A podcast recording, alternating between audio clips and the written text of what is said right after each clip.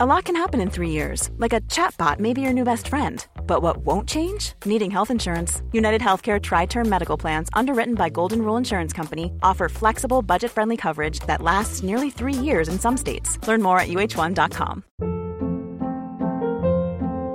Hold up. What was that? Boring. No flavor. That was as bad as those leftovers you ate all week. Kiki Palmer here, and it's time to say hello to something fresh and guilt-free. Hello Fresh. Jazz up dinner with pecan-crusted chicken or garlic butter shrimp scampi. Now that's music to my mouth. Hello Fresh. Let's get this dinner party started. Discover all the delicious possibilities at hellofresh.com.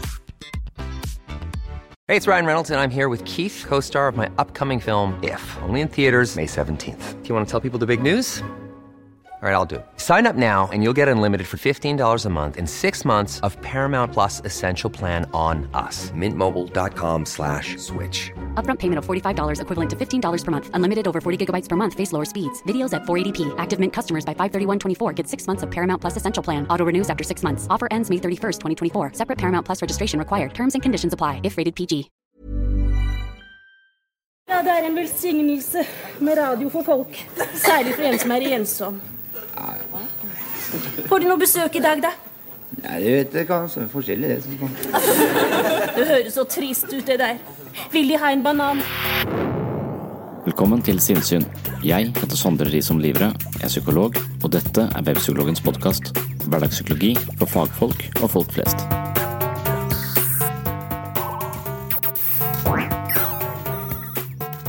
I denne episoden snakker jeg med en student som lager en dokumentar om ensomhet. Det er flere rapporter som antyder at studenter sliter med å etablere seg i et sosialt miljø under pandemirestriksjoner på ulike universiteter. Hvor skadelig er det egentlig å føle seg ensom? Er det mer skadelig for unge mennesker? Kan vi se for oss at ungdommen som ble rammet av pandemi midt i sin dannelsesprosess, får varige men? Denne type spørsmål ansporer meg til å lage enda en episode om ensomhet. Jeg tror ikke at du automatisk blir skadelidende av ensomhet, men jeg er ganske sikker på at ensomhet er alvorlig psykisk kreftfremkallende, hvis det er lov til å si. Altså, mange ting er kreftfremkallende, men det betyr ikke at du får kreft selv om du utsettes for disse påvirkningene. På samme måte er det nok med ensomhet. Det er en driver i et sykdomsbilde, og på lang sikt kan det kulminere i ulike plager i samspill med andre faktorer. Som innledning til dagens episode skal jeg presentere deg for noen studier som dokumenterer hvor skadelig det egentlig er å være ensom. Kanskje er det farligere enn vi tror, og når pandemien i 2020 og 2021 har isolert oss ytterligere, vil man nok forvente en økning av helseplager knytta til ensomhet.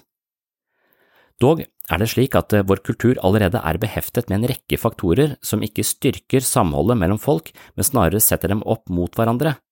Vi har også satt eh, individualisme og frihet i høysetet en lang stund, noe som kanskje også medvirker til en følelse av ensomhet og utenforskap. I dagens episode begynner jeg altså med en oppsummering av boka til lege og forfatter Vivek Murthy. Han har eh, skrevet en bok som heter Together, og den samler opp mye av forskningen knytta til våre sosiale behov, og ikke minst hvor skadelig det er å mangle sosiale arenaer. Deretter snakker jeg med Hedda Gundersen Gullikstad, som lager en dokumentar om studentenes kår under pandemien, og da med spesielt fokus på konsekvensene av mangel på sosialisering. Also have corona? Let's go outside and play. Slime together we had made TikTok filming with a friend. Why did it have to end? We used to play together, and now we don't. I'm so bored, I wanna cry. Do you also have corona? Go away. Okay, bye.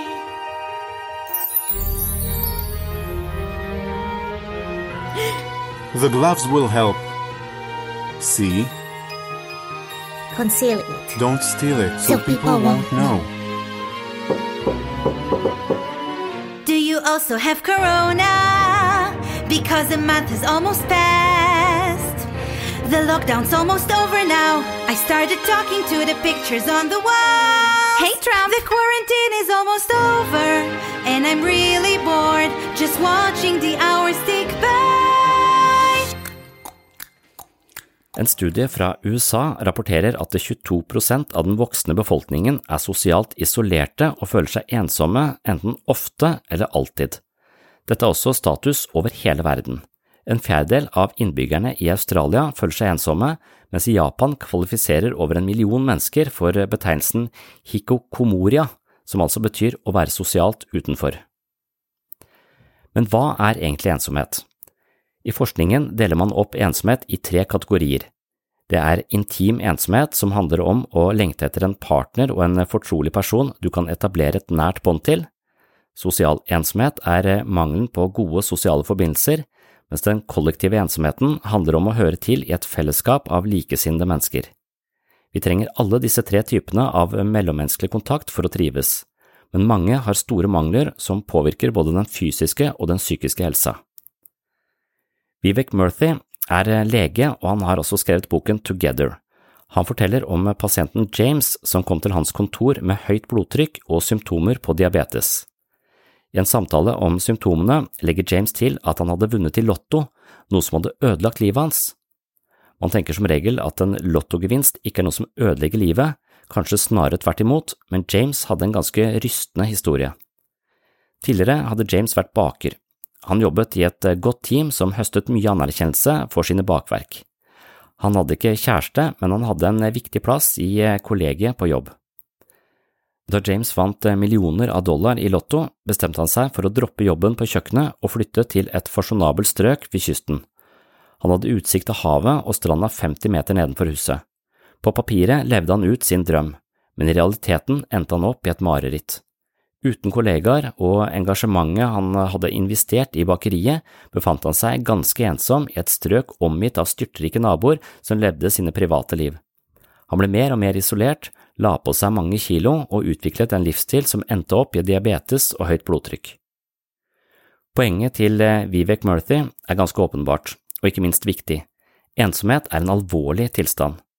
Under medisinstudiet utviklet eh, Murthy en stor interesse for folkehelse, han ville engasjere seg i de helseproblemene som var mest omseggripende i dagens samfunn. Og det er overvekt, rusmisbruk og mental helse, men under mange av disse utfordringene ligger ensomheten som en avgjørende driver. Forholdet mellom ensomhet og helse er etter hvert ganske tydelig, og i senere tid har forskningen gitt oss stadig større forståelse. Psykolog Juliane Holt Lundstad har forsket på de positive elementene ved relasjoner, og spørsmålet som driver hennes studier er rett og slett kan relasjoner og sosialisering redusere for tidlig død? Holt Lundstad brukte et helt år på å analysere 140 studier som kunne kaste lys over problemstillingen. Resultatet kunne ikke være mer tydelig.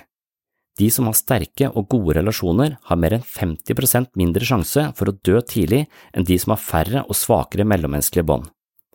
For å sette dette i perspektiv er svake relasjoner omtrent like helseskadelige som å røyke 15 sigaretter om dagen.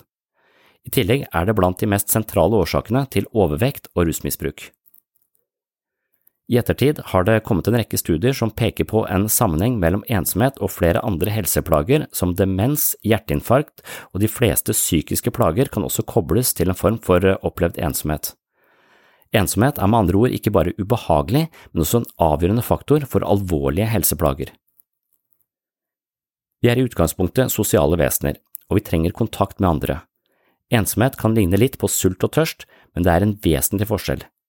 Når vi er sultne og tørste, oppsøker vi mat og drikke, men når vi er ensomme, tenderer vi til å trekke oss mer unna og unngå andre folk. Ensomhet er, på linje med andre behov, et signal om at noe er galt, og når vi kjenner på ensomhet, aktiveres vår fryktrespons, stresshormoner kobler seg på, og vi reagerer med tilbaketrekning på det vi opplever som en fare, altså ensomheten.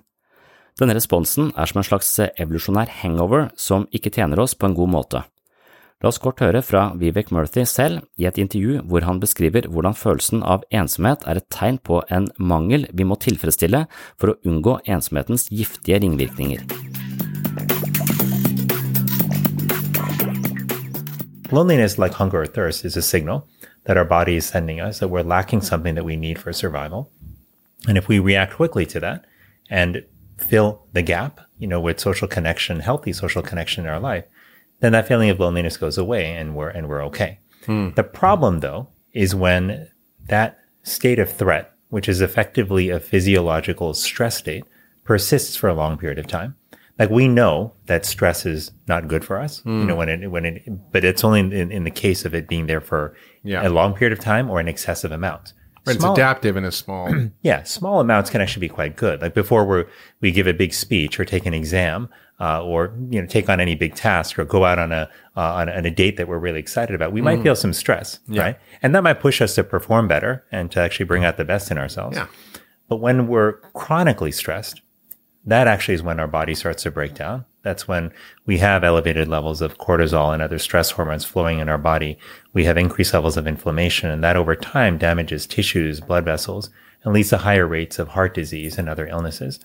And so loneliness, when it's chronic, when it's long standing, puts Mm. us in a chronic stress state. And it's from that that we see so many of the negative consequences.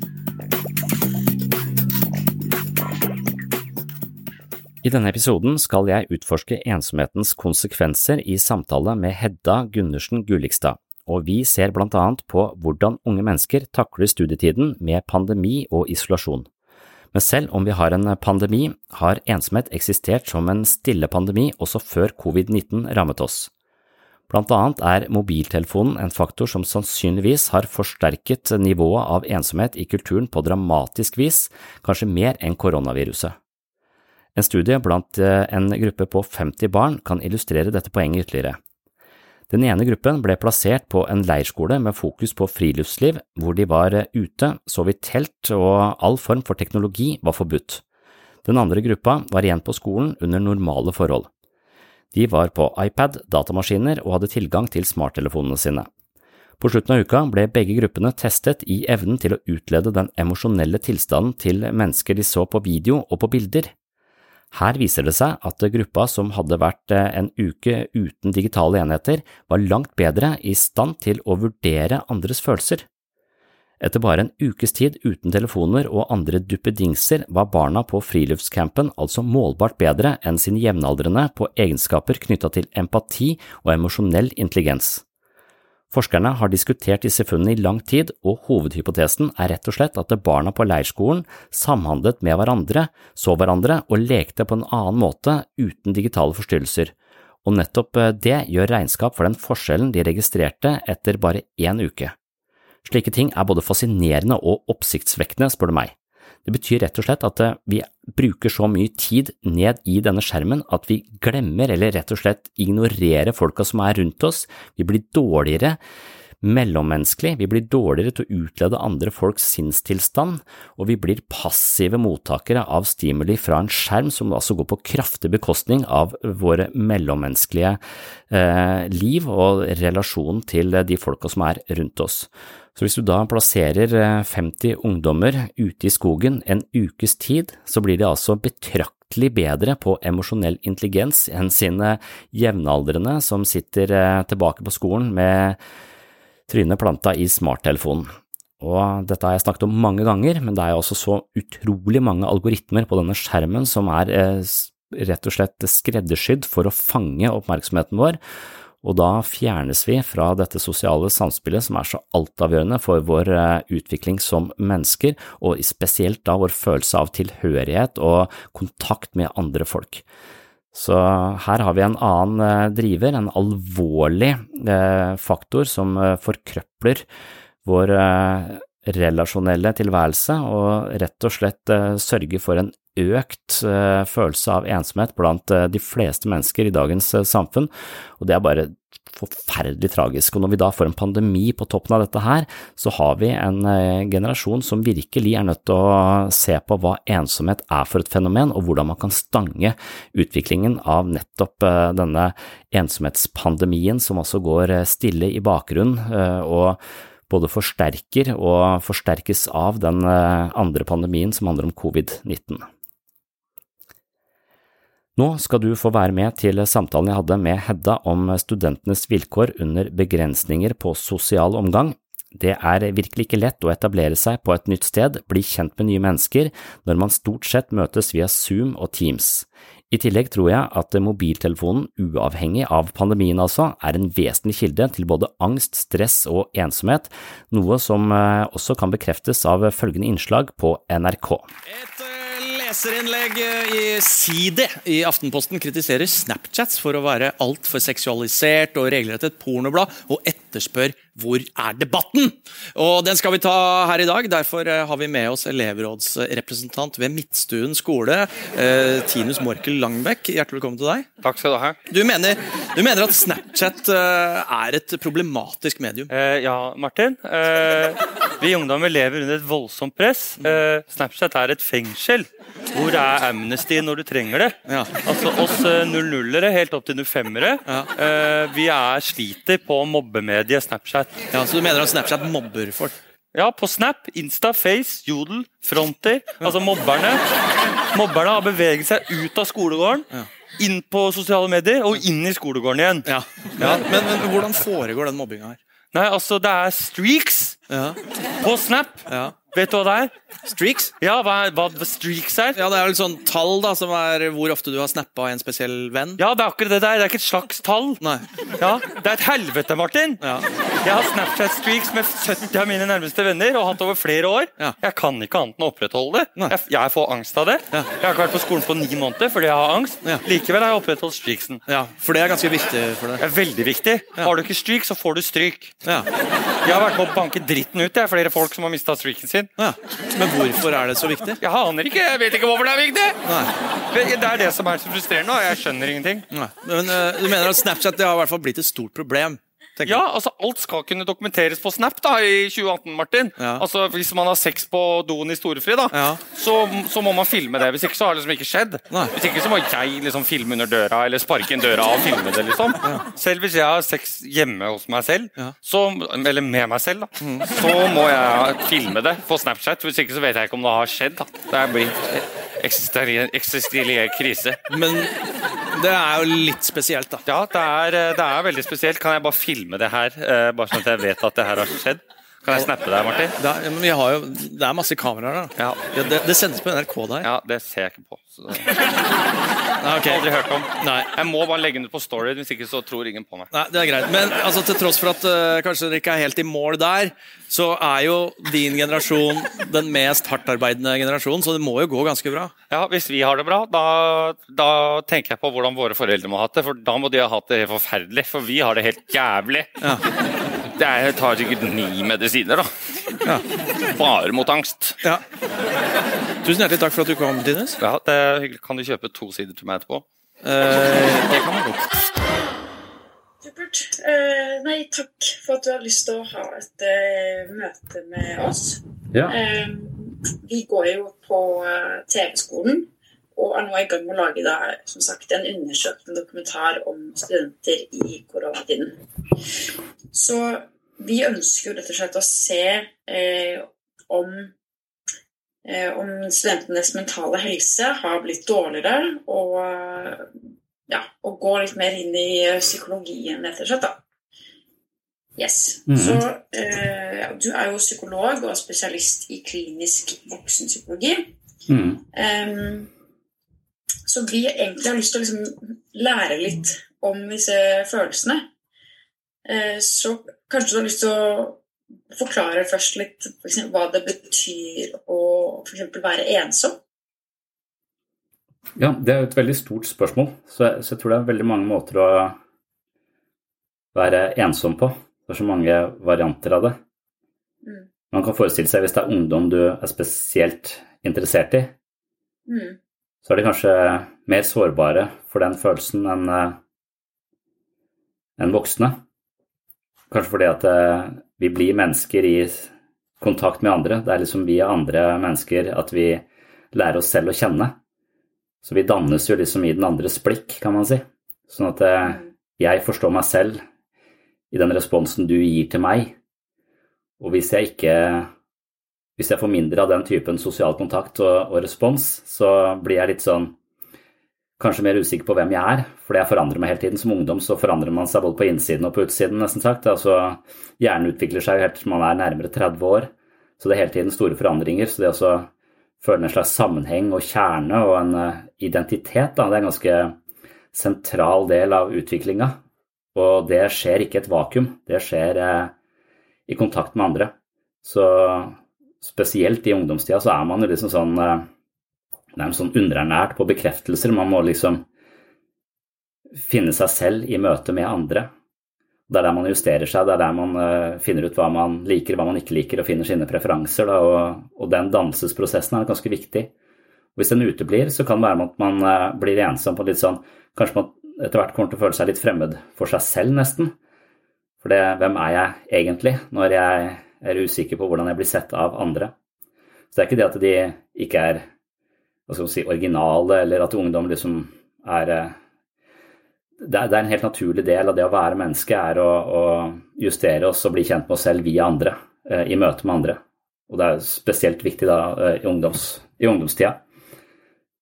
Så man kan forestille seg at de sliter litt mer enn eh, en voksne, eller i hvert fall er litt mer sårbare for den typen isolasjon. For det å være ensom, altså du kan jo si at det er å ikke være i kontakt med mennesker, men eh, fordi at du av en eller annen grunn må eh, isolere deg, eller være i karantene eller noe sånt noe. Men det, du trenger ikke å føle deg ensom da. Altså du, hvis du vet at du har mange gode forbindelser, og du har mange erfaringer på gode relasjoner som bor i deg, så kan du hvile ganske lenge i den typen erfaringer. Altså Du har god tilknytning til andre mennesker som danner strukturene inni hodet ditt. Så kan du hvile litt i alle de gode relasjonene du har hatt, eh, og som bor i det. Og Dermed så kan du være alene ganske lenge uten å føle deg ensom. Men når du mangler litt av den typen eh, det man kaller på fagspråket objektrelasjoner, som kan liksom bekrefte deg når du ikke har noen andre til å gjøre det, så, så trenger du folk, eh, folk, rundt deg. Og da, da, blir du ganske sårbar når du er, er aleine. Um, altså, har du, har du sett en økning hos studenter eller da spesielt kanskje unge mennesker, som har slitt pga. dette? Nei, jeg jobber ikke med unge mennesker, jeg. Så jeg jobber bare med voksne mennesker, og de sliter eh, Altså, de sliter Kanskje ensomhet er en faktor, men de sliter også med struktur. Mm. Så, så, det er som om alle disse ytre rammene, alle disse institusjonene som er en del av livet vårt, som vi har forpliktet oss til, enten det er jobb eller skole eller noe sånt, de danner mer eller mindre skjelettet i livet vårt. Da. Så de sørger for at vi står opp om morgenen, har et sted å gå, har noen som venter på oss, uh, har avtaler. Så, så det, er, det, det, det, å ha den strukturen, det å ha et innhold i livet sitt som er ganske fastlagt og kanskje også rutineprega, det er helt avgjørende for å ha det bra med seg selv. Så med en gang vi mangler de rutinene og ikke klarer å etablere nye rutiner, så blir hver ting vi skal gjøre, blir en slags uh, diskusjon med oss selv. Skal jeg stå opp? Hvorfor skal jeg gidde å stå opp? Jeg kan stå opp litt seinere så bruker du 50% av din mentale energi på å drive og gå i dialog med deg selv om hva du skal og ikke skal og burde og ikke burde gjøre. Også, og det er en langsom vei inn i en slags eh, apati og tvil og, og depresjon. Så, så, for min del så ser jeg veldig mange som sliter pga. Eh, at strukturen faller. Og at de ikke klarer å etablere en ny struktur eh, raskt nok. Mm. Ja, det tror jeg også veldig mange sliter litt med som studenter òg, med tanke på at det, altså, det, er jo veldig mye digital undervisning, som, og det kan man jo ha i Du kan stå opp fem minutter før, og så kan du ligge i sengen din og ha, se på det. Ja. Um, men jeg vil lure på, er det liksom vanskeligere tenker du, å prate om problemene sine i koronatiden? For det er Altså, jeg opplever at det er jo en del som syns det her er vanskelig. Føler du at terskelen for å spørre om hjelp er større, eller er den ikke vanlig? Nei, jeg vet ikke om Nei, vi, vi har mange Vi har altfor mange henvisninger til psykisk helse når det gjelder voksne, i hvert fall. At det er en eh, et enormt eh, Eh, tilfang av folk som ønsker hjelp, men det er ikke alle som nødvendigvis eh, har rett til helsehjelp, eller at de ofte Så hvis, hvis, du er i en situasjon hvor strukturen i livet ditt har falt bort, det er ikke dermed sagt at du trenger å snakke om det. Du trenger egentlig å etablere struktur. Mm. Så det kan nok være at eh, det å ha en mer sånn psykoedukativ innfallsvinkel til hva som konstituerer et godt liv, Altså hva gjør et godt liv? Eh, kunne ha hjulpet ganske mye eh, for ganske, ganske mange. Så jeg har tenkt på at det, det, mest besøkte kurset på Harvard er Nå husker jeg ikke hva den heter, men det er en professor som har laget et, et kurs om hvordan leve lykkelig, eller hvordan være lykkelig. Og det er det mest besøkte kurset noensinne, da, og da slår hun sånne hotshots eh, som Zimbardo og masse sånne vanvittig kjente professorer. Så det at man eh, vet hvordan man ivaretar sin egen psykiske helse, og hvor viktig struktur er, hvor viktig det er å stå opp, hvor viktig det er å spise eh, frokost til samme tid hver dag, Uh, og det kan virke ubetydelig ja, men jeg sto opp en time seinere gjør ingenting. Uh, det spiller vel ikke så stor rolle. Det spiller ikke så stor rolle akkurat den dagen, men uh, summa summarum så vil alle disse små unndragelsene og forandringene skape ubalanse i hele livet, og så vil det balle, balle, på seg. Så det betyr mye mer enn vi tror. Så sånne ubetydelige ting har ganske stor betydning, egentlig. Og det samme med med sosial kontakt. Da. Man kan tenke vi klarer oss, men, eller vi kan være sosiale på nett. Det tror jeg også så er en, eh, en sannhet med masse modifikasjoner. Jeg tror den sosiale samhandlinga på nett mangler veldig mye som, eh, som, gjør at vi kanskje egentlig føler oss eh, tiltagende ensomme, hvis ikke vi kjenner de folka godt fra før. Og det er, noe med at samhandlinga på nett, spesielt i sosiale medier, fjerner konteksten, sånn at vi egentlig ikke vet så mye om den andre. Og jeg tror det kan eskalere en følelse av ensomhet. Fordi at eh, jeg kan forstå andre mennesker. altså Når vi, når vi møter dem, så kan vi se på vi har vi masse clues, masse responser. og vi, Ofte så inntar vi samme positur bare for å speile hverandre. Sånn at vi, vi snakker vel så mye med kropp og, og kroppsspråk som vi gjør med, med, språk og innhold. Og så kan vi også se hvordan det vi sier lander hos den andre. Og så, og så, kan vi også fortelle noe om vår egen kontekst. Skjer, hva, hvor er jeg nå? Hva, eh, hva tenker jeg på? Hva, hva sliter jeg med? Eh, hvordan ser livet mitt ut? Og så kan den andre fortelle noe, noe, av det samme. Men sosiale medier det plasserer folk i hver sin kontekst fordi det hele tiden fòrer det med eh, innhold og informasjon som passer med det personen liker fra før. Den plasserer folk i hver sin lille virkelighetstunnel, og så lar den folk samhandle med på en måte plassert i helt ulike kontekster. og Da er sjansen for at de ryker uklare eller føler seg misforstått, veldig, veldig stor. Så det er som å føre folk sammen med, med, noen premisser om at de kommer til egentlig å føle seg enda mer ensomme i den samhandlingen enn de gjorde ved å være helt, helt alene. Så, så, sosiale medier eh, som, som, på en måte har finurlige algoritmer som sørger for at du hele tiden eh, blir mata med informasjon som eh, eh, som du skal eh, klikke deg videre på for at de skal stjele din oppmerksomhet, det, det, det, ødelegger enda mer for oss, tror jeg. Så jeg tror ensomhet eh, altså Nå har vi pandemi pluss eh, et overforbruk av sosiale medier. Det, det er en cocktail som borger for en del utfordringer. Mm. Ja, nei, veldig ja, spennende med det. Eh, men hva, hva, tenker du om f.eks. Altså, det blir jo anbefalt å møtes liksom, for på Zoom for å ta en eh, sånn, tre fredagspils med noen venner der. Eh, hvordan fungerer det når man ikke egentlig kan møtes, men ja, over, over nett? da? Funker det? Ja, det, det er vel bedre enn ingenting, sannsynligvis. Men, eh, men, det har også en del begrensninger. Det å møte venner over Zoom det er litt annet enn å bare drive oss og chatte med folk i sosiale medier. Så jeg tror eh, Zoom er en litt annen plattform enn eh, den, den kontakten vi har på sosiale medier. Mm. Så, så de, for de, de, har litt andre premisser i, i bånn der. De, så, så, jeg, så, jeg tror det, det, er et slags alternativ. Men, men jeg tror vi går glipp av ganske mye. Jeg tror vi er også ja, vi, er, vi er, kropper også, og de må, må også jeg, jeg, tror vi kan nesten være sånn kroppslig ensomme også. At vi, vi har en viss behov for uh, nærkontakt også. Det å uh, være i nærheten av hverandre. Mm. Så jeg tror vi blir litt emosjonelt depriverte nærmest av, av å omgås få, få, mennesker. Mm. Hva gjør, hva gjør det med deg som person når du føler på Altså én er kanskje litt ensom og mangel, mangel, på sosial kontakt. Hva gjør det med deg over tid?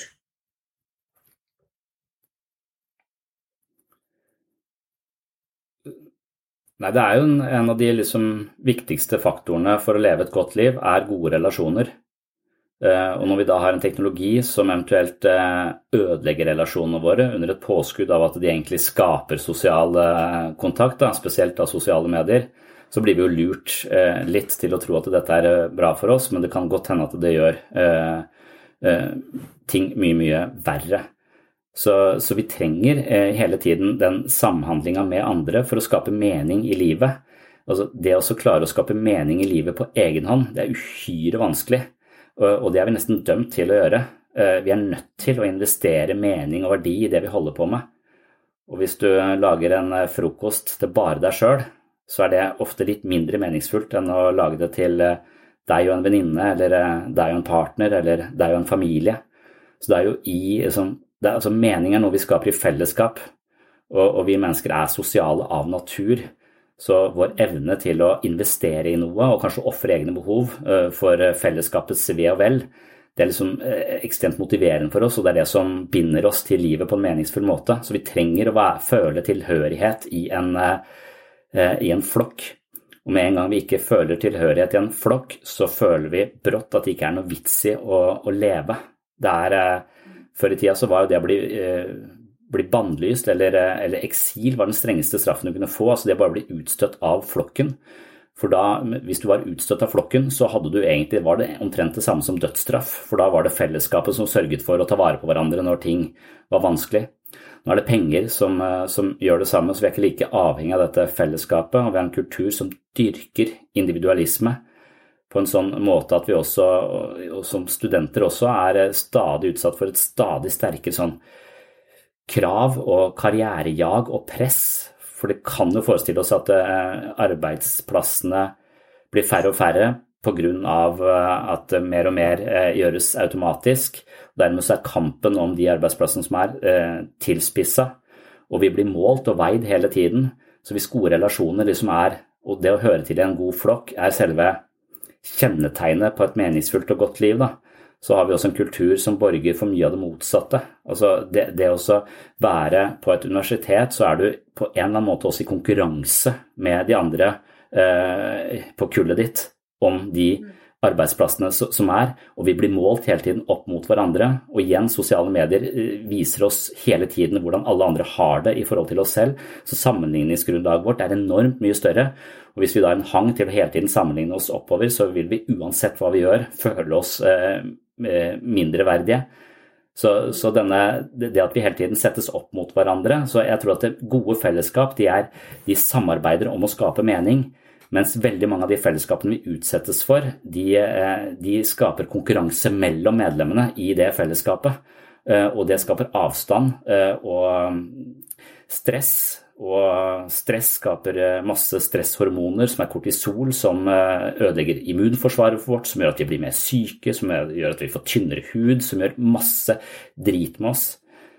Så, så, det å vite litt om, eh, om, hvordan vi reagerer eh, på å hele tiden være f.eks. i konkurranse med omgivelsene våre, istedenfor å dyrke de gode relasjonene og, samarbeide om å skape mening, det, det, tror jeg er helt avgjørende for å overleve. Uh, ellers så tror jeg du kommer til å føle at du er uh, alene mot alle de andre, eventuelt helt alene.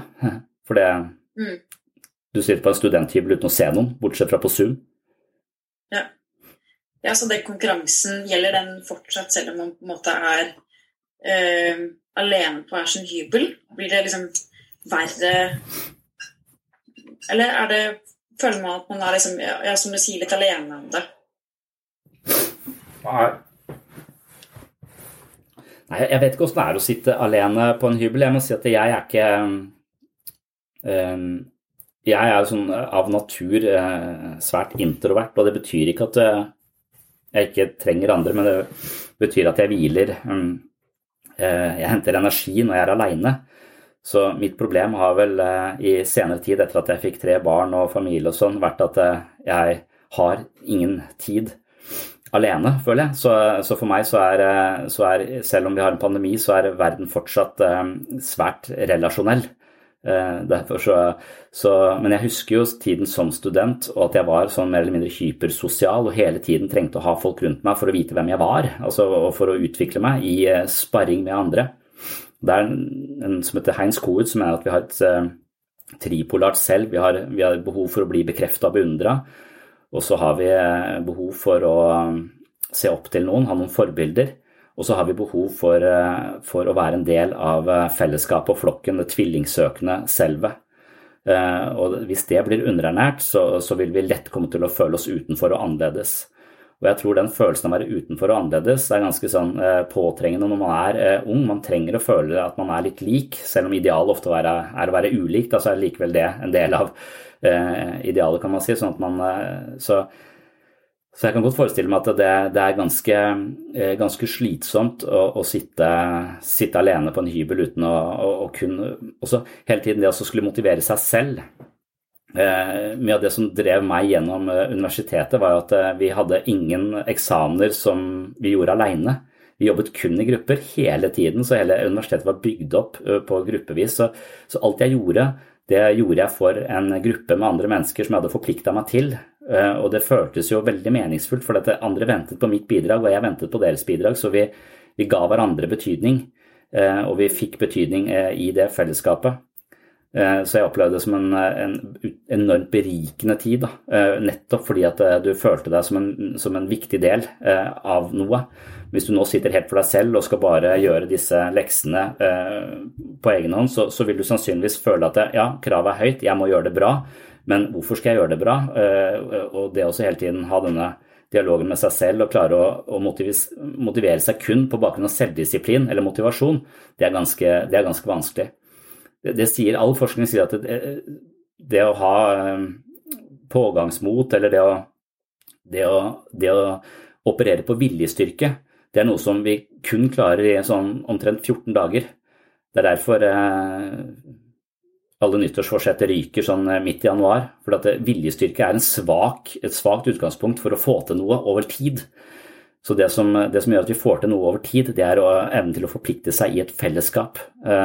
Så så hvis du skal utføre noe eller klare noe på, over lang tid, så må du føle at det er noe du gjør i, i kompaniskap med andre. Da.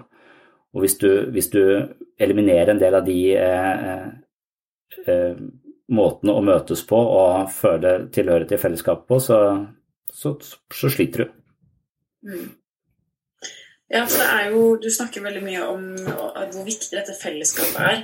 Mm. Um, og når, når, akkurat det blir jo tatt vekk nå, når man sitter i isolasjon og pandemi um, Er det liksom Kan man si at det er på en måte den største grunnen til at uh, til at folk blir deprimerte eller ensomme eller mister motivasjon? Ja, jeg tror, jeg tror det er en, en, vesentlig del av det. Mm. Så, så, jeg tror, men jeg tror alt spiller sammen, da. Jeg tror det er veldig mange ting som, eh, som spiller på lag her. Det Tilspissa konkurransen, eh, økende bruk av sosiale medier, eh, veldig mye klistra til en skjerm hvor vi blir ganske passive. Så det å være en skapende på en måte aktør i eget liv, det er meningsfullt. Det å løse problemer, det å utforske verden, det å være interessert, det er, det er veldig eh, viktig for, å, for, å, leve godt. da. Så, og Den viktigste faktoren for at vi ikke får til det, det er ofte frykt. Det er bakdrekning. Så de som har mye sosial angst, de kan jo kanskje ikke ha det så ille nå, fordi de slipper eh, kanskje den sosial angst-faktoren som, eh, som, kanskje hemmer den kreativiteten deres eh, til vanlig hvis de må møte mye folk eh, hele tiden. Men for, for folk flest så, så er nok isolasjon ganske skadelig på, på, lang sikt. Og som jeg sa, mer for, eh, for ungdom enn for, eh, for, voksne, men også for mange voksne. Men hvis vi, hvis vi har det Jeg mener at jeg møter mennesker, og så, og så, kan jeg oppleve det som et godt møte, og så vil den relasjonen den vil på en måte, Jeg tar den med meg. Så når jeg møter et menneske jeg vet jeg aldri skal se igjen, men som jeg har hatt en god kontakt med, så tenker jeg ikke på det. Ja, det var synd, nå er det over og, og ferdig. Jeg tenker på det som noe jeg tar med meg, noe som bor i meg, som jeg senere er en Altså jeg tenker på meg selv som dialogisk, så når jeg driver og drøfter ting, tror at jeg reflekterer over noe, så er det egentlig en gjentagelse av samtaler jeg har hatt med andre mennesker tidligere. Og hvis jeg har hatt mange gode relasjoner opp igjennom, så er jeg full av gode relasjoner. Så jeg er liksom aldri alene, fordi at jeg har tatt med meg disse relasjonene. Og hvis du har den evnen til å, til å bære det med deg, istedenfor å tenke at åh, nå, nå skilles vi, kommer aldri til å se igjen, det er som om den personen dør, og så er det bare veldig sørgelig, istedenfor at eh, det er noe, som, noe fint du kan ta med, ta med videre. Jeg vet ikke om folk er litt forskjellige der på hvordan de avslutter eh, relasjoner som, som, blir brutt, om de tar det med seg og, og, kan hvile i det senere. For da tror jeg du kan være ganske eh, Da kan du Ja, du kan tåle ganske mye alenehet, altså eh, isolasjon fra andre mennesker, hvis du har mange folk inni deg. Eh, men, men det krever nesten et helt det er et helt liv med gode relasjoner som du kan da uh, ha med deg. Jo flere du har av de, jo bedre rusta står du når du plutselig skal være aleine uh, inne mye av tiden og kun se mennesker, mennesker over nett. Mm.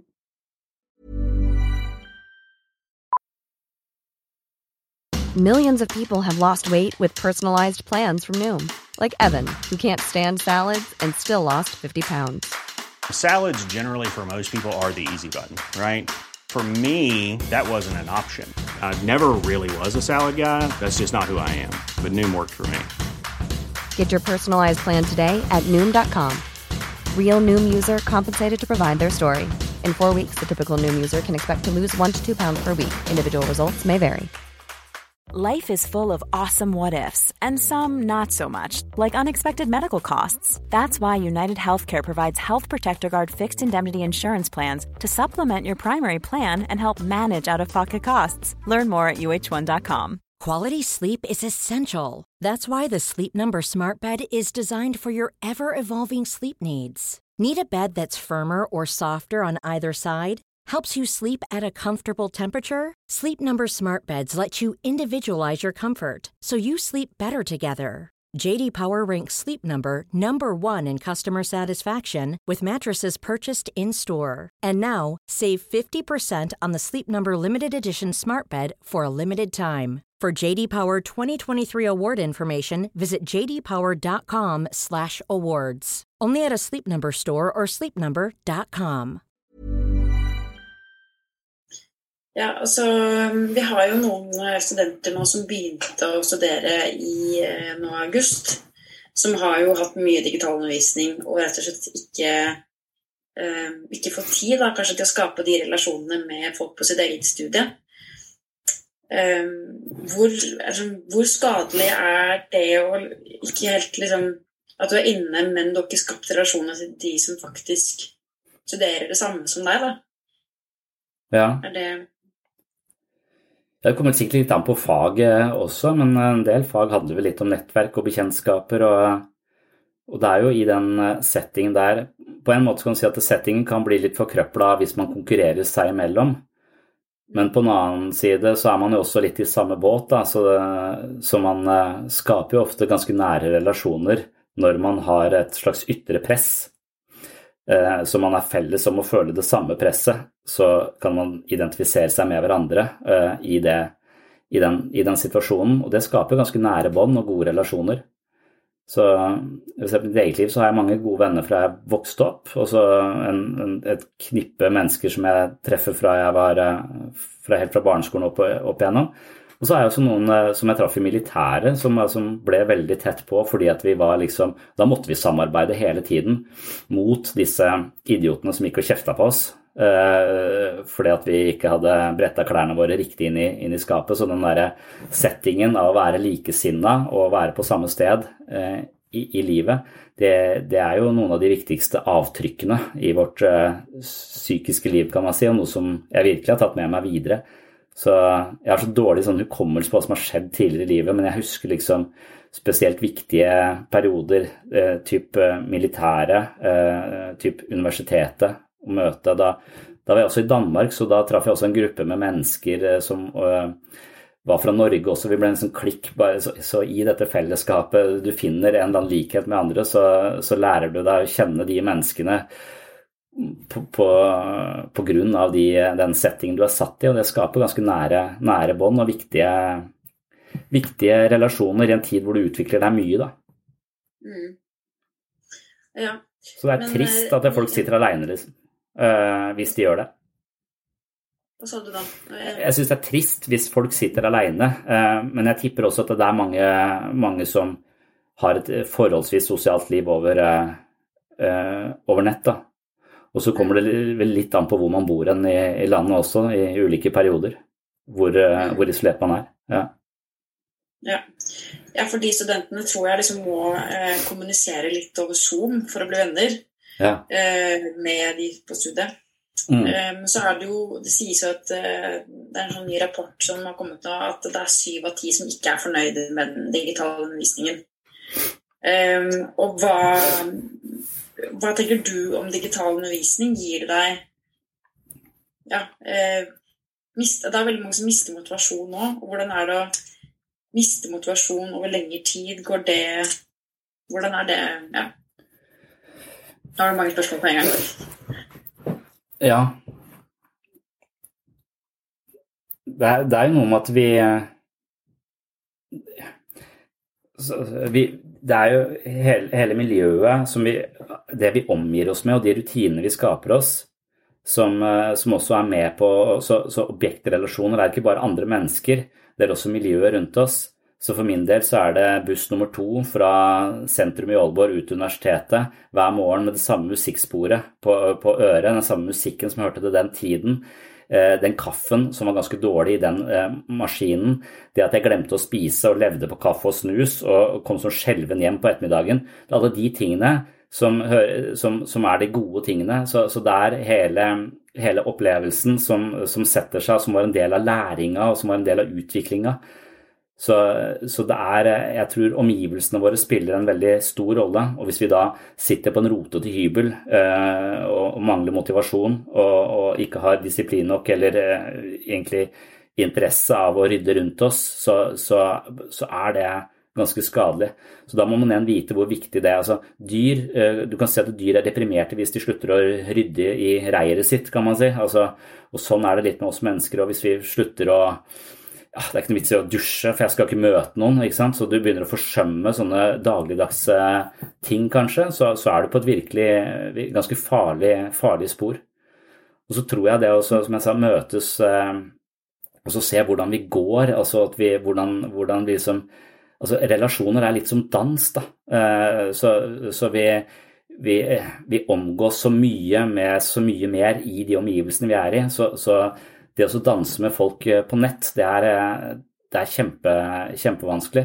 Og det å møte nye mennesker, det er liksom å møte nye stilarter og se om vi har en eller annen rytme som kan eh, passe den rytmen de har. Selv om vi danser litt annerledes, så kan vi få til noe helt nytt i den, i den relasjonen. Så, så jeg vil, jeg, det er stusslig å møte, møte folk over nett. Jeg underviser litt på universitetet selv, og jeg har tenkt at jeg pleier å ta opp de undervisningene jeg har, og legge de ut på YouTube. Eh, Eller på den podkasten jeg har. Og jeg har tenkt at det, det ville være bedre hvis jeg eh, La oss si jeg har 15 timer med en, eh, en gruppe med sykepleierstudenter. Eh, Det er det jeg pleier å ha for å gå gjennom et pensum 15 timer undervisning.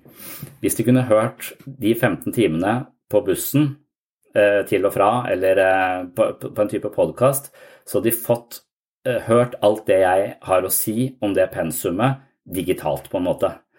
Og den tiden vi da har eh, Vi kunne brukt da de 15 timene som det er til overs, vi kunne brukt de litt mindre grupper og diskutert tema, snakket om det. Hva tenkte du når du hørte det? Eh, jeg tenkte sånn. Hvordan kan det eh, relatere seg til den hverdagen vi skal ut i? Hvis jeg kunne liksom, istedenfor å drive og gulpe opp det samme pensumet år etter år, altså bare si de samme tingene, så kunne jeg snakket med, med mennesker som allerede hadde hørt det.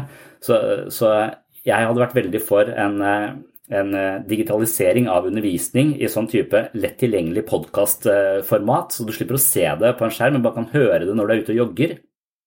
Og så møtes i eh, diskusjonsgrupper eh, hvor vi kan få, eh, få pensum under huden ved å diskutere det i grupper som er eh, såpass små at folk tør å si noe eh, og føler tilhørighet i den, i den gruppa.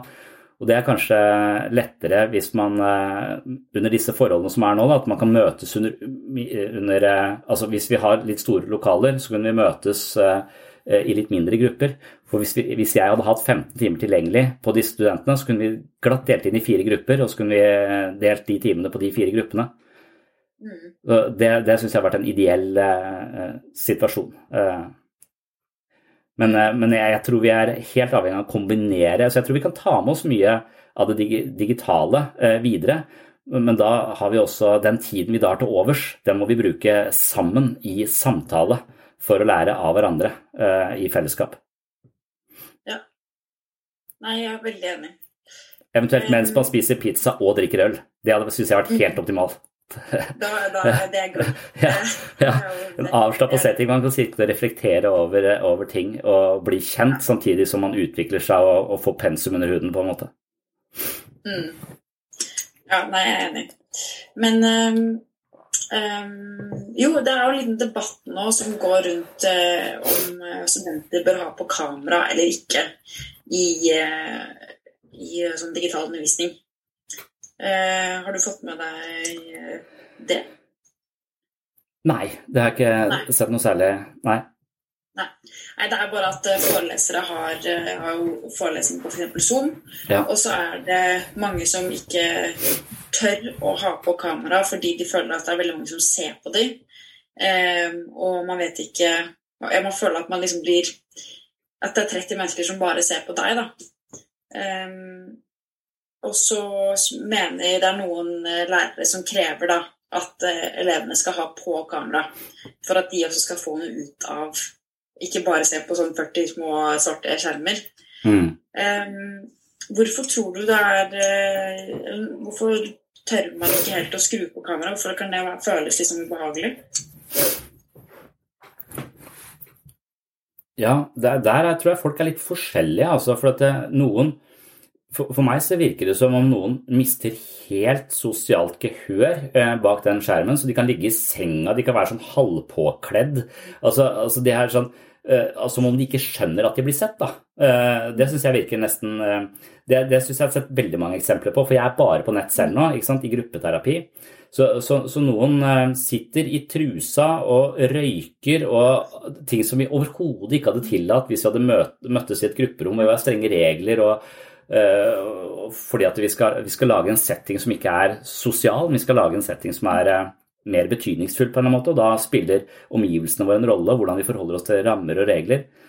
Mens, eh, mens noen har jo ikke Ja, det, det skjer mye rart eh, over eh, via denne skjermen. Mm. Eh, mens fra den andre siden, fra foreleserens side, så, eh, så, skjønner jeg godt at det å se på svarte, svarte firkanter kan være litt vanskelig. Og jeg opplever det selv at det Eh, det er i utgangspunktet ganske sensitivt. Altså, noen blir jo drittsekker over nett og, og klarer ikke helt å mens, mens, jeg eh, som terapeut blir mer eh, sensitiv. Jeg blir en mildere variant av meg selv. Jeg kan være ganske brå, men i, på, over nett så er jeg mye mer eh, varsom og, og Si, jeg, er en hyggeligere variant av meg selv fordi jeg ikke vet helt hvordan ting faller ned i den andres hode. For jeg, har, jeg mangler alle de clusene jeg bruker for å se hvordan folk reagerer, og eventuelt korrigere noe jeg har sagt, sånn at vi, sånn at vi forstår hverandre, det uteblir. Så, så, det å ha en forelesning for en forsamling og klare å holde en forsamling våken i et klasserom, det er jo en utfordring i seg selv, men da har du liksom alle de klusene du trenger da, for å justere og sjokkere litt her eller trykke litt der, sånn at, sånn at ting beveger seg. Men hvis du bare da står der foran svarte, så, så tror jeg jeg også hadde eh, famla litt i uh, Ja, det, jeg har sett at noen standup-komikere prøver også å gå på nett, og de hører jo ikke om folk ler eller ikke. Det må være helt mareritt. Det er bare å se på Nytt på Nytt, hvor de ikke har noen i publikum. Det blir sånn awkward når ingen ler av det de sier. Vi sitter i stua og ler, men vi, vi er jo sånn, vi, vi, følger jo andres latter også. Hvis andre ler av det, så tror vi det er morsomt, og så ler vi mer selv. Når vi ikke hører de klusa fra, fra salen i Nytt på Nytt, så blir det sånn, sånn platt. Så jeg kan godt forstå at man føler en eh, altså Det er ikke nært på nett uansett, men det blir enda mer distansert hvis folk skrur av, skrur av kameraet. Uh, og, og, det kan jo være litt mer forpliktende da, når man har kamera, kamera, på. For selv så merker jeg at det, Eller jeg ser at det er folk som da egentlig er i terapi og er interessert i det, f.eks. har mobiltelefonen sin eh, på siden av, og plutselig begynner å se på den mens de er eh, i, i, gruppeterapi. Så det å klare å forplikte seg til det som foregår eh, rundt den, det er kanskje å faktisk kle seg til den eh, eh, timen også, og sitte oppreist eh, på en stol og ikke ligge henslengt på sofaen. Alle sånne ting tror jeg hjelper å skape normalitet og er antidepressivt på lang sikt. Det kan sikkert være veldig behagelig å bare skru av kameraet og så eh, ligge i senga og, og, eventuelt surfe på telefonen mens man hører på den, eh, den eh, undervisningen. Men da tror jeg ikke man forplikter seg å delta på samme måte, så jeg tror man mister både litt fotfeste i de rutinene man trenger for å leve et meningsfullt liv, samtidig som man mister en del av denne informasjonen fordi man ikke har liksom oppmerksomheten sin bundet til det. Og mobiltelefonen vår den er jo eh, laget for å stjele vår oppmerksomhet, for det, oppmerksomheten vår blir jo solgt av både Facebook og Google eh, til alle andre uten at vi får noe tilbake, bortsett fra et miserabelt liv. Så, så, så de har jo algoritmer som eh, lett er mer interessante enn det en foreleser klarer å være på, på nett. Så, så, da har du outsourca din egen oppmerksomhet til eh, teknologigiganter som tjener penger på at du blir eh, mer og mer nedtrykt. Så sett deg opp i stolen, skru på kamera og, og, følg med. Altså, hvis du føler deg beglodd, det, da, da, da, da, er det liksom den sosialangstbiten som dukker opp eh, på nett på en annen, i en litt annen variant, men den ville du vel kanskje hatt også hvis du var fysisk til stede. altså Da kan du også bli sett på. Eh, nå ser man en liten firkant av deg, og du, så vidt du gir noe informasjon hvis du sitter helt stille, så er det jo så spørsmålet er altså, hvis, du, hvis du virkelig bare har en sånn nettaktig sosialangst, så må jo det være greit. Men i den grad du bare gjemmer deg bak det for å drive med alt annet, eh, eller være helt sånn, så, så, tror jeg kanskje du eh, tjener mer på å faktisk skru på kameraet og forplikte deg. Mm. Ja.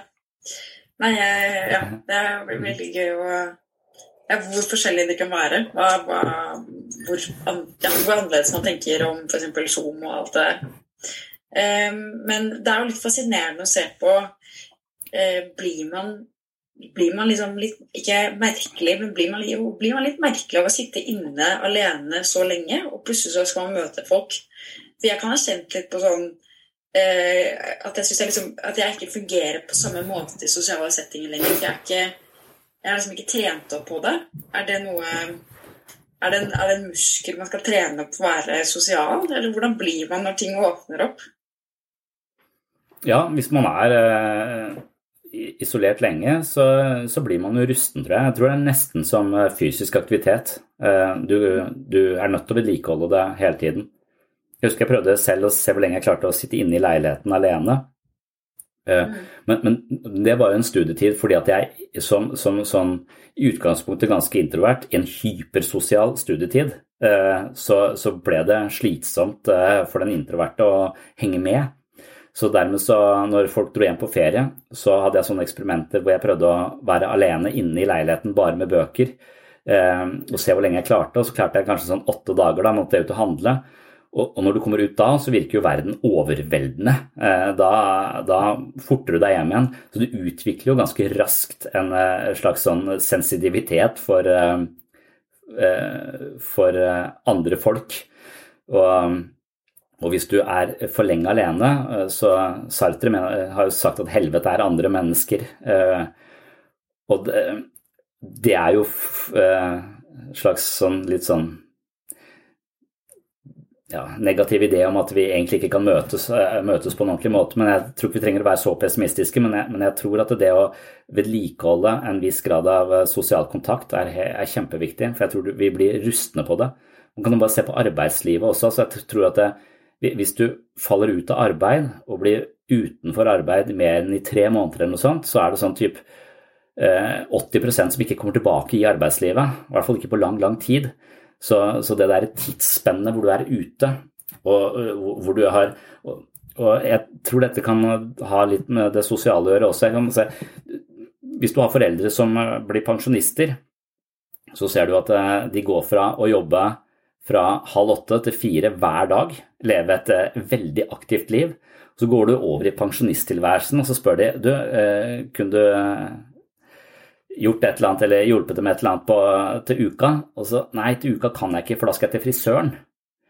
Eh, så aktivitetsnivået deres fra å være aktive fra halv åtte til fire pluss ettermiddagene hver dag til å komme over i et veldig mye mer lavaktivitetsmodus, sørge for at små ting vil være ganske overveldende.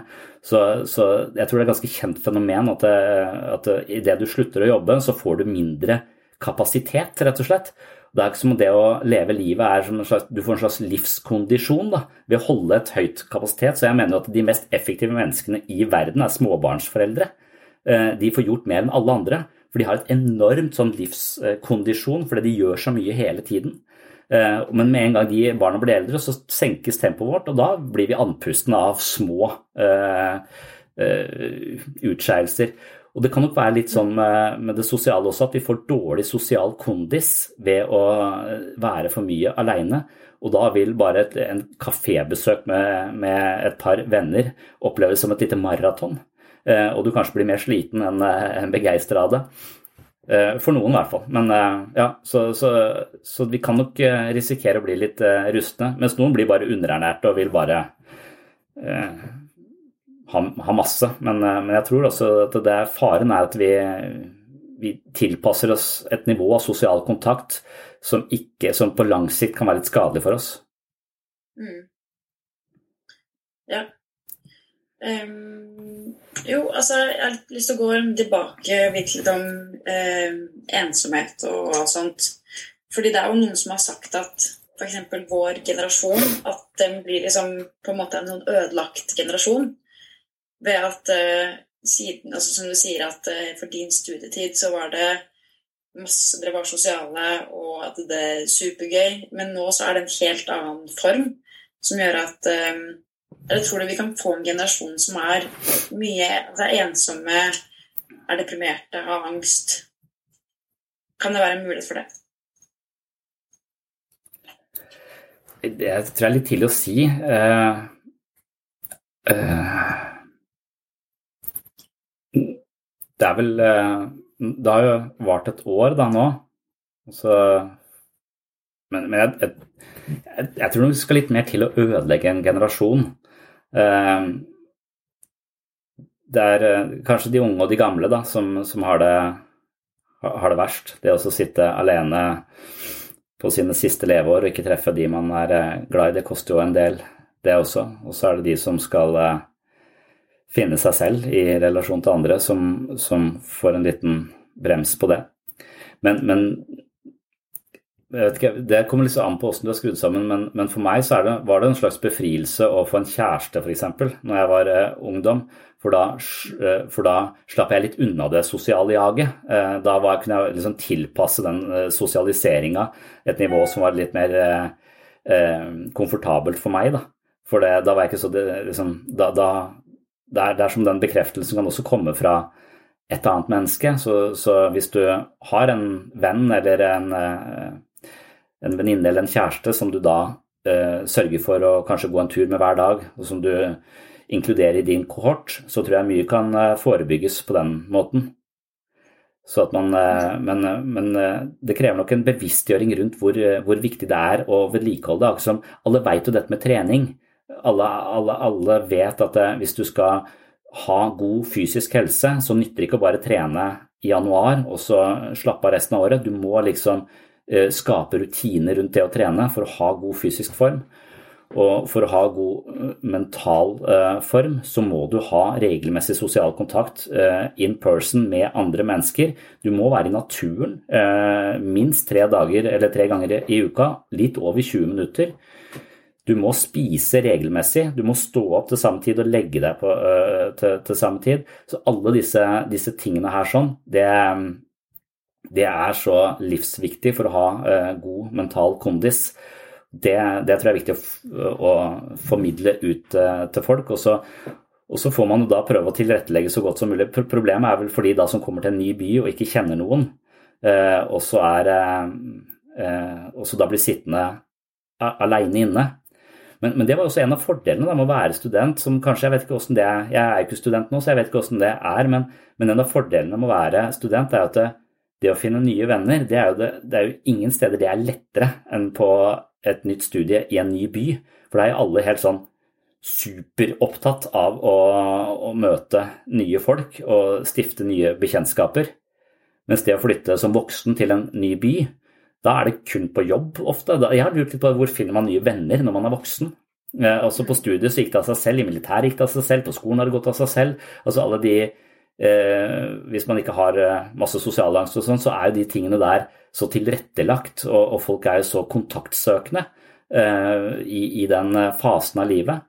Mens når man flytter til en, en ny by i voksen alder, så, så, er det liksom eventuelt foreldre til barn i samme alder eller kollegaer på jobb da, som er liksom der du har å ta Så jeg vet ikke om Folk kommer jo inn i disse studiene sannsynligvis eh, like sosialt eh, opptatte som de var eh, da jeg eh, studerte, men nå møtes de bare ikke så mye. Men de møtes vel også, eller? Det kommer litt an på hvor man er hen. Mm.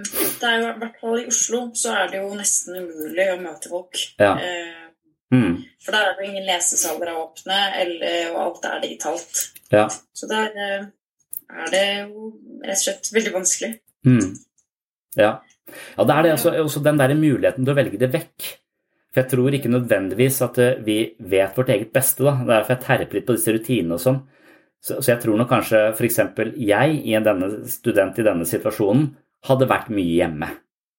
Uh, og at det, hvis de f.eks. hadde sagt du må møte opp på universitetet, du må skrive under på den der lappen for at du har vært her, altså uh, som en slags sånn overformynder som står og peker på deg og sier du må, uh, du må komme hit, hvis ikke så stryker du pga. fravær, det, det kan høres litt sånn politiaktig ja, men jeg er voksen, jeg kan bestemme selv. Men jeg trenger sånne ytre faktorer for å sørge for at jeg nettopp befinner meg i den sosiale konteksten som kanskje er litt krevende for meg, men også livsviktig. Så, så, det å ha dette oppmøtet også jeg, jeg, tror det er lett å sluntre unna eller komme inn i veldig negative mønster når de ikke er For sånn som universitetet her i Agder, da, så, så, vi, så, kan man vel velge litt, sånn jeg har forstått det. I hvert fall de, eh, i den grad jeg har hatt noe kontakt med de, at det, man kan velge å, å, være til stede, men man kan også se det, se det hjemme. Og Hvis man da har mista litt av sin sosiale kondis allerede, føler seg litt lett sliten av det sosiale, så er det vel ganske lett å tippe over i et mønster hvor du nettopp ikke gidder å, å møte opp. Og rett og slett fordi du ikke anerkjenner hvor sykt viktig det er å ha de rutinene og ha den kontakten og se de folka øh, øh, i samme rom. Mm. Ja, vi har pratet litt om det, men altså hvor, hvor hvor skadelig er det? Eller sånn Hvor skadelig er det å ikke møte folk og ikke Ja. Eh, ikke ja, Altså være isolert, liksom? Jeg tror ikke det går an å si noe, for det tror jeg er forskjellig fra person til person. Det er litt som å spørre hvor skadelig er det å røyke? Altså, mm. Forholdsvis skadelig for de fleste, men det fins folk som er 100 og har røyka hele livet eh, og, og, dør med et smil om munnen. Eh, av noe annet enn lungekreft, liksom. Så, så, så for noen så vil dette være eh, svært skadelig. Eh, men mange vil også klare seg veldig fint. Og hvis man vet om fallgruvene, og hvis man vet om at det er skadelig å røyke, skadelig å ikke være sosial, så kan man prøve å, å gjøre de tiltakene, så mange tiltak som man klarer. Da. Så, så det, dette er én ingrediens i, eh, i, selve livet, liksom, som er ganske viktig, ganske avgjørende. Eh, men, eh, men, det er mange andre ting som også, også spiller inn. Mm. Så, så, jeg ville vel si at jeg ville nesten sånn på lang sikt være mer bekymra for smarttelefonen vår enn jeg ville være for et år med pandemi. Mm. Jeg tror at smarttelefonen vår fucker opp oppmerksomhetsspennet vårt ganske kraftig. Og jeg, jeg tror at det, binder eh, oppmerksomheten vår eh, og gjør oss passive som konsumenter av eh, stimuli hele tiden. Som rett og slett lammer den muskelen vi har til å være kreativ, interessert og skape, skape livet vårt. Så jeg tror man kan si smarttelefonen er også psykisk kreftfremkallende på samme måte som en pandemi er psykisk kreftfremkallende. Men det er mange ting som er kreftfremkallende som, som, likevel ikke gir deg kreft. ikke sant? Så jeg tror det er på det nivået vi må tenke.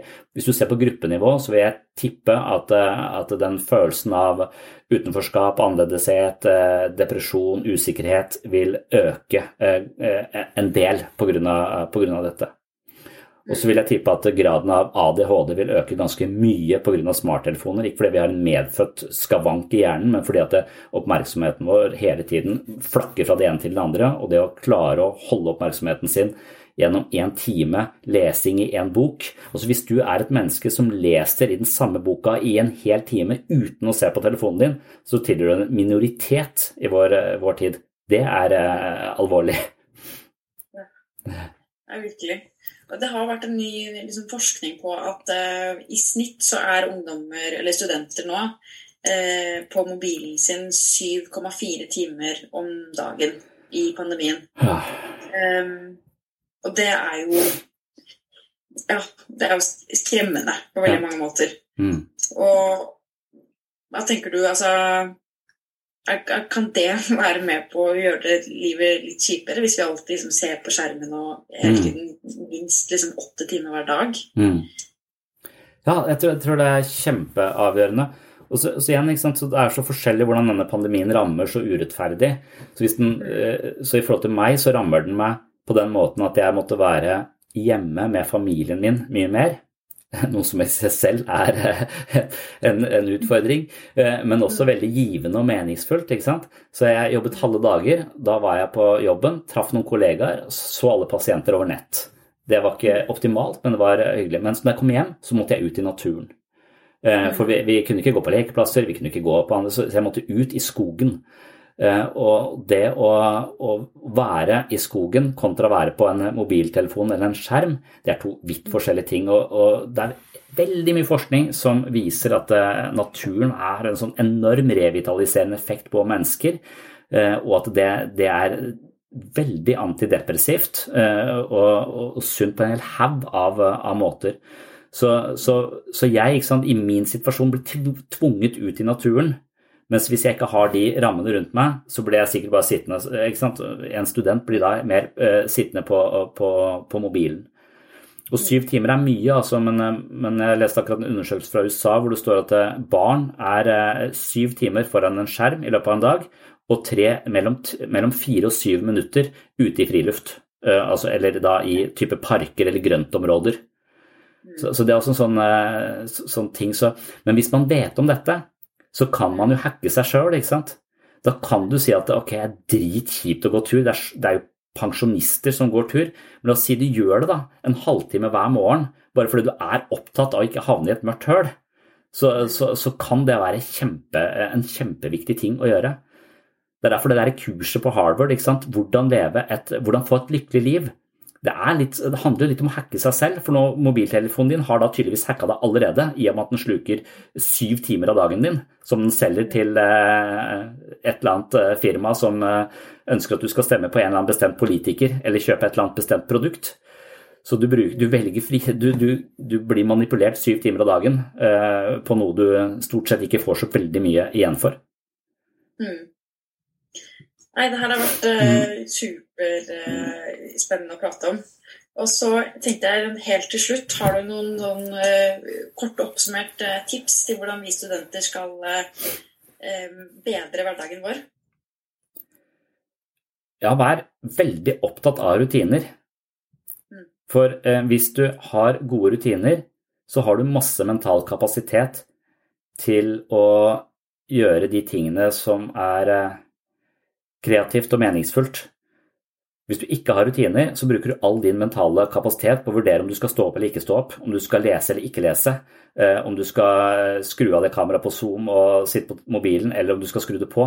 Altså, Prøv å gjøre sånne ting ikke om til et valg.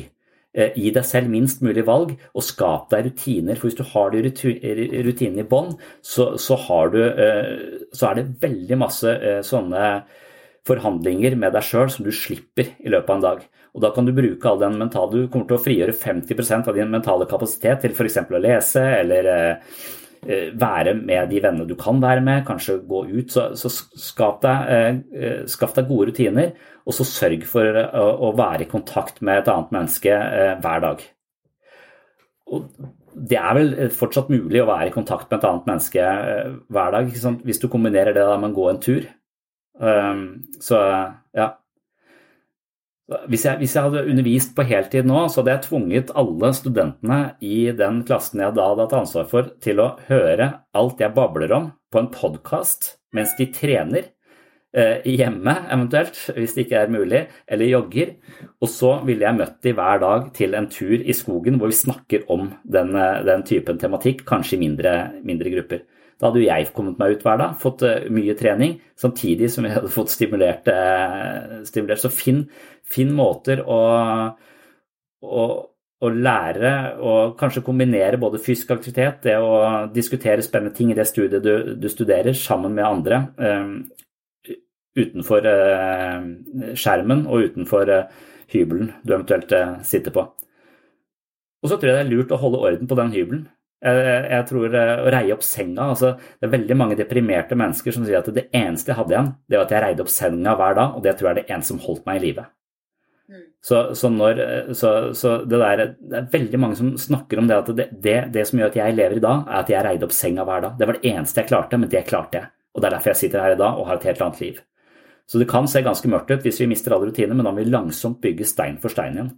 Eh, og nå tror jeg det er viktigere enn noensinne å være oppmerksom eh, på det. fordi eh, vi får ikke den gratis drahjelpen av den strukturen som ligger i institusjonene våre, i systemene våre, i, i kulturen vår, i, i, i, livet generelt sett. For det, når det lukker ned, så, så, må vi skape disse her på, på egen hånd. Og det er eh, fader ikke så lett, altså. Nei. Hmm. Nei, det er det ikke. Men eh, ja, det blir jo litt enklere med tipsene og ja, tips som du kommer med, og litt forklaring på eller hvor ille det kan gå, tror jeg er litt lurt faktisk å vite. Mm. Jeg tror det er litt som å bli alkoholiker. Jeg tror dette, du, blir det litt sånn langsomt. Du tenker at ja, ja, nå satt jeg på Zoom her, og så eh, dreit jeg litt i rutine der. og så det er liksom tenker jeg, jeg tok en drink i dag, spiller ikke så stor eh, rolle. altså Jeg hadde vel en i går òg, for så vidt. Så, så, så du, du, tror at den den enkelte drinken den spiller ingen rolle, men det er summen av uh, alle de drinkene du tok i løpet av uh, mai, juni, juli, som til sammen ga deg et ganske stort problem uh, ut på nyåret. Så, så, sånn er det med denne Jeg tror dette er snikende. Derfor så Akkurat som altså, global oppvarming er også snikende. Vi tenker ja, ja. Det, er, det sitter jo Frp-politikere og tvitrer fra hytta på Hemsedal om at global oppvarming er avlyst, for her er det jævlig kaldt. Så, eh, så, det, er jo, eh, det er jo katastrofalt. Vi, vi, ser ikke hvor, hvordan måten vi lever på, utarmer jorda her og nå, i dag. Jeg kan la være å kildesortere i dag, og det får ikke noen konsekvenser verken for meg eller morgendagen. Men på lang sikt så er det alle summen av den måten vi lever på, som til sammen gjør at jorda går til helvete. Og det er jo eh, ganske Og litt sånn er det med, med denne pandemien også, tror jeg. Det er summen av alle de små forsømmelsene, de nye rutinene som kanskje er dårlige rutiner fordi vi henfaller til mer sånne umiddelbar behovstilfredsstillelse istedenfor å lage gode, eh, gode, strukturer for deg sjøl. Det tror jeg summa summarum på litt lengre sikt kan slå deg ganske mye hardere enn du er klar over.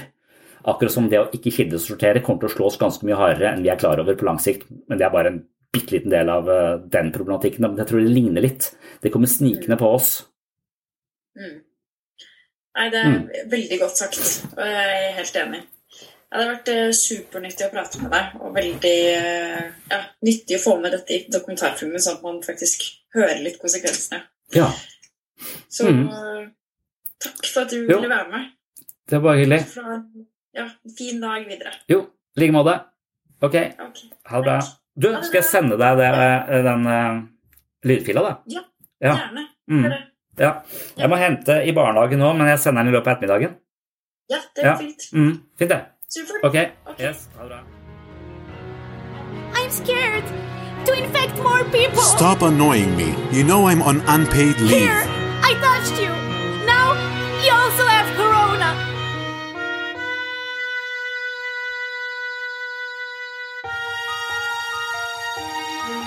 Have fun on the USNS Comfort. I'm sorry I got you infected. We hate you.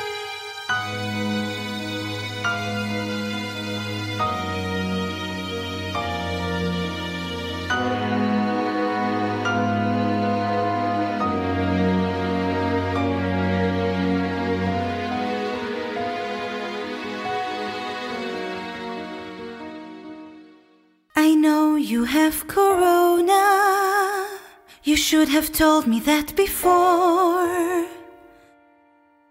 You infected everyone. It's not that fun. What have you done?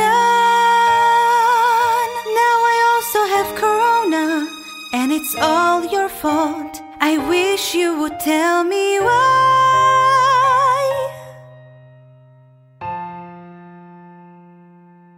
Do you also have corona?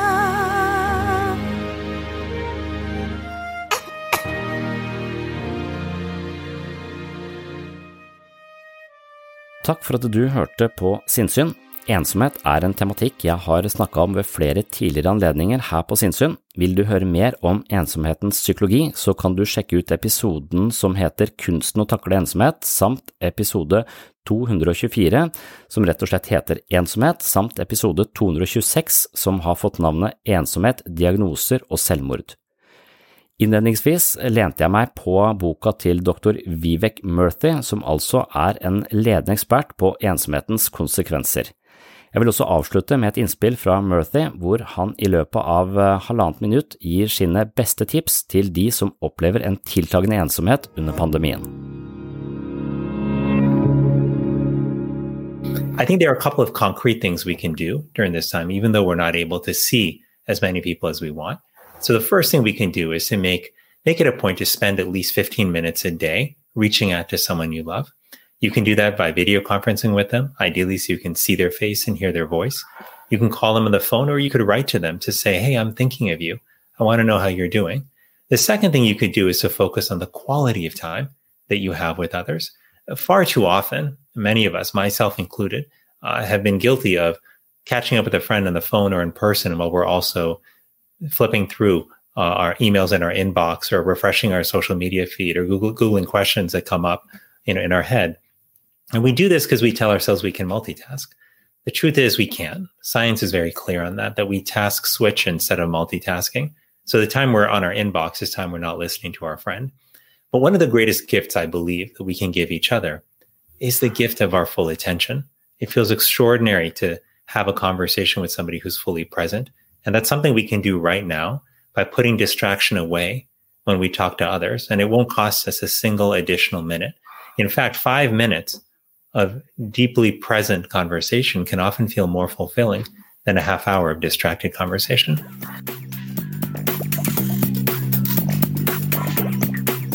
Ja, det var uh, altså doktor Vivek Murthy som uh, ga deg sine beste tips til å kontre ensomhetens konsekvenser under pandemiske forhold. Han eh, virker som en eh, smart og svært vennlig og sensitiv type, og boka hans var eh, ganske oppsiktsvekkende, denne boka Together, så den anbefaler jeg. Det var det jeg hadde om dette temaet for denne gang, men som sagt så finner du mer om dette temaet i flere andre episoder her på Sinnsyn. Og så er du mer interessert i menneskets indre liv, relasjoner og selvutvikling, så håper jeg at du klikker deg inn på min Patron-konto og blir supporter av sinnssyn og webpsykologen. På denne måten støtter du dette prosjektet, og som takk for støtten får du en del ekstra materiale. Du får flere eksklusive episoder av sinnssyn, mentale øvelser, videomateriell som ikke publiseres andre steder, og du kan høre meg lese og gjennomgå min første bok, Selvfølelsens psykologi, bedre selvfølelse ved å bruke hodet litt annerledes. Senere vil jeg også lese inn boken Jeg, meg selv og selvbildet, og etter det Psykologens journal. Ved hjelp av en rekke psykologiske teorier forsøker jeg å lage et slags eh, treningsprogram hvor man gjør øvelser som styrker selvbildet, selvfølelsen og mentale muskler. Er du blant de som finner verdi her på sinnssyn og litt over middels interessert i psykologi og filosofi, så er medlemskap i Sinnsyns mentale helsestudio kanskje noe for deg.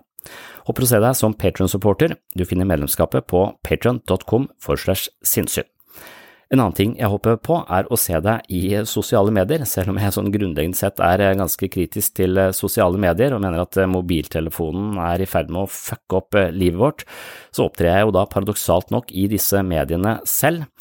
Men håpet er vel at man eh, kan anspore eller fange oppmerksomheten, som jo er hele målet med sosiale medier, altså fange oppmerksomheten eh, til eh, de som er interessert i et litt dypere perspektiv på menneskets psykologiske liv. Så i korte videoer som ligger i alle disse sosiale kanalene, da spesielt på Instagram, Facebook, LinkedIn er jeg vel på, og Ja, hva var det siste? Ja, det husker jeg ikke. Men eh, jeg pumper i hvert fall ut en del sånne små videoer som er ment eh, å supplere det som skjer her eh, på podkasten. Og så er det også små poenger som jeg ønsker å dra fram for å kanskje peile folk over på podkasten, for å høre litt mer om denne typen tematikken over en times tid, som da går litt mer i dybden enn det jeg har muligheten til å gjøre i disse videoene på to minutter i sosiale medier. Men hvis du vil ha små, det jeg kaller shots, da, shots av sinnssyn, små innspill fra sinnssyn, også via smarttelefonen din, så må du følge meg i disse sosiale mediene. Jeg har også en kanal på YouTube hvor jeg ukentlig legger ut minst to videoer som du stort sett ikke finner andre steder enn på YouTube. Så hvis du vil ha sånne korte innsmitt av psykologi i hverdagen, så er YouTube, Facebook, Instagram og ja, hva er det siste? Det er YouTube, Facebook, Instagram, det er en plattform til, uh, ja, ja, det husker jeg ikke, da kan ikke den være så veldig viktig. Ja, den siste plattformen er eh, Twitter. Jeg er ikke en veldig aktiv Twitter-bruker, men jeg er eh, likevel en som legger ut mye der, har veldig få følgere på Twitter, tror jeg. så, selv om det sannsynligvis er den kanalen som kanskje hadde vært mest interessant. Hvem vet. Men uh, uansett, hvis du vil holde deg oppdatert og ha små shots av sinnssyn i løpet av uka, så følg meg disse, på disse andre plattformene også. En annen ting som hjelper veldig, er eh, tilbakemeldinger i iTunes. Eh, nå føler jeg at jeg sliter litt, fordi jeg har fått eh, et slags gjennomsnitt på fire og en halv stjerne. Jeg har alltid nå i mange år hatt et gjennomsnitt, altså full score, på fem, fem stjerner. Det har jeg vært veldig stolt av, og veldig mye av min selvfølelse er jo på en måte forankra i disse stjernene jeg får i iTunes. Derfor så hadde det vært hyggelig hvis du la igjen gjerne da fem stjerner da, som en slags tilbakemelding i iTunes, for da kan jeg kanskje jobbe meg opp til et høyere gjennomsnitt, altså fem stjerner. Men utover det, da, eh, det spiller ikke så stor rolle, disse stjernene, men det spiller en rolle å bli eh, rata i, eh, i, iTunes, for det er jo flere ratinger, jo mer synlighet er det i iTunes, Så prosjektet mitt er jo å spre kunnskap om menneskets indre liv til så mange som mulig, og dersom jeg får flere ratinger, så kan dette prosjektet nå lenger. Og når jeg driver og maser om at alle skal over på Patron hele tiden, så er jo det fordi at det er med på å finansiere dette her. Det sørger for at jeg kan holde lysa i gang her på, på podkasten.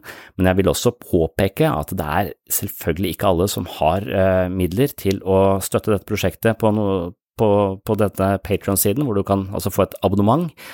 Så de som ikke har økonomiske eh, midler til å støtte prosjektet, de skal bare fortsette å høre på sinnssyn her på den åpne podkasten, og for tiden så legger jeg ut eh, nesten to episoder, av og til tre episoder i uka, så det skal eh, også være nok til å få med seg det viktigste her fra, fra sinnssyn.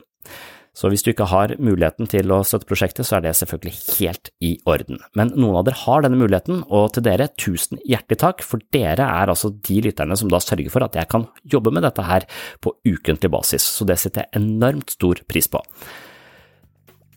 Det var det for denne gang. Håper du henger med i neste episode. Tjallabais!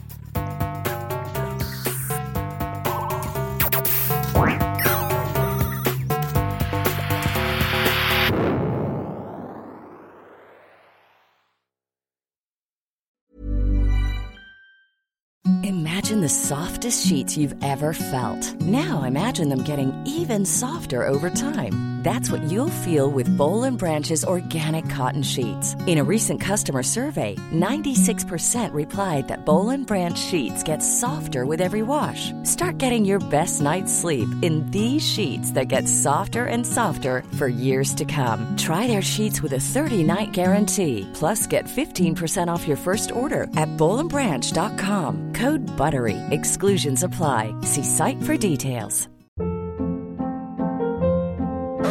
Hold up. What was that? Boring. No flavor. That was as bad as those leftovers you ate all week. Kiki Palmer here, and it's time to say hello to something fresh and guilt-free. Hello Fresh. Jazz up dinner with pecan-crusted chicken or garlic butter shrimp scampi. Now that's music to my mouth. Hello Fresh. Let's get this dinner party started. Discover all the delicious possibilities at hellofresh.com. Imagine the softest sheets you've ever felt. Now imagine them getting even softer over time. That's what you'll feel with Bowl and Branch's organic cotton sheets. In a recent customer survey, 96% replied that Bowl and Branch sheets get softer with every wash. Start getting your best night's sleep in these sheets that get softer and softer for years to come. Try their sheets with a 30-night guarantee. Plus, get 15% off your first order at bowlandbranch.com. Code BUTTERY. Exclusions apply. See site for details.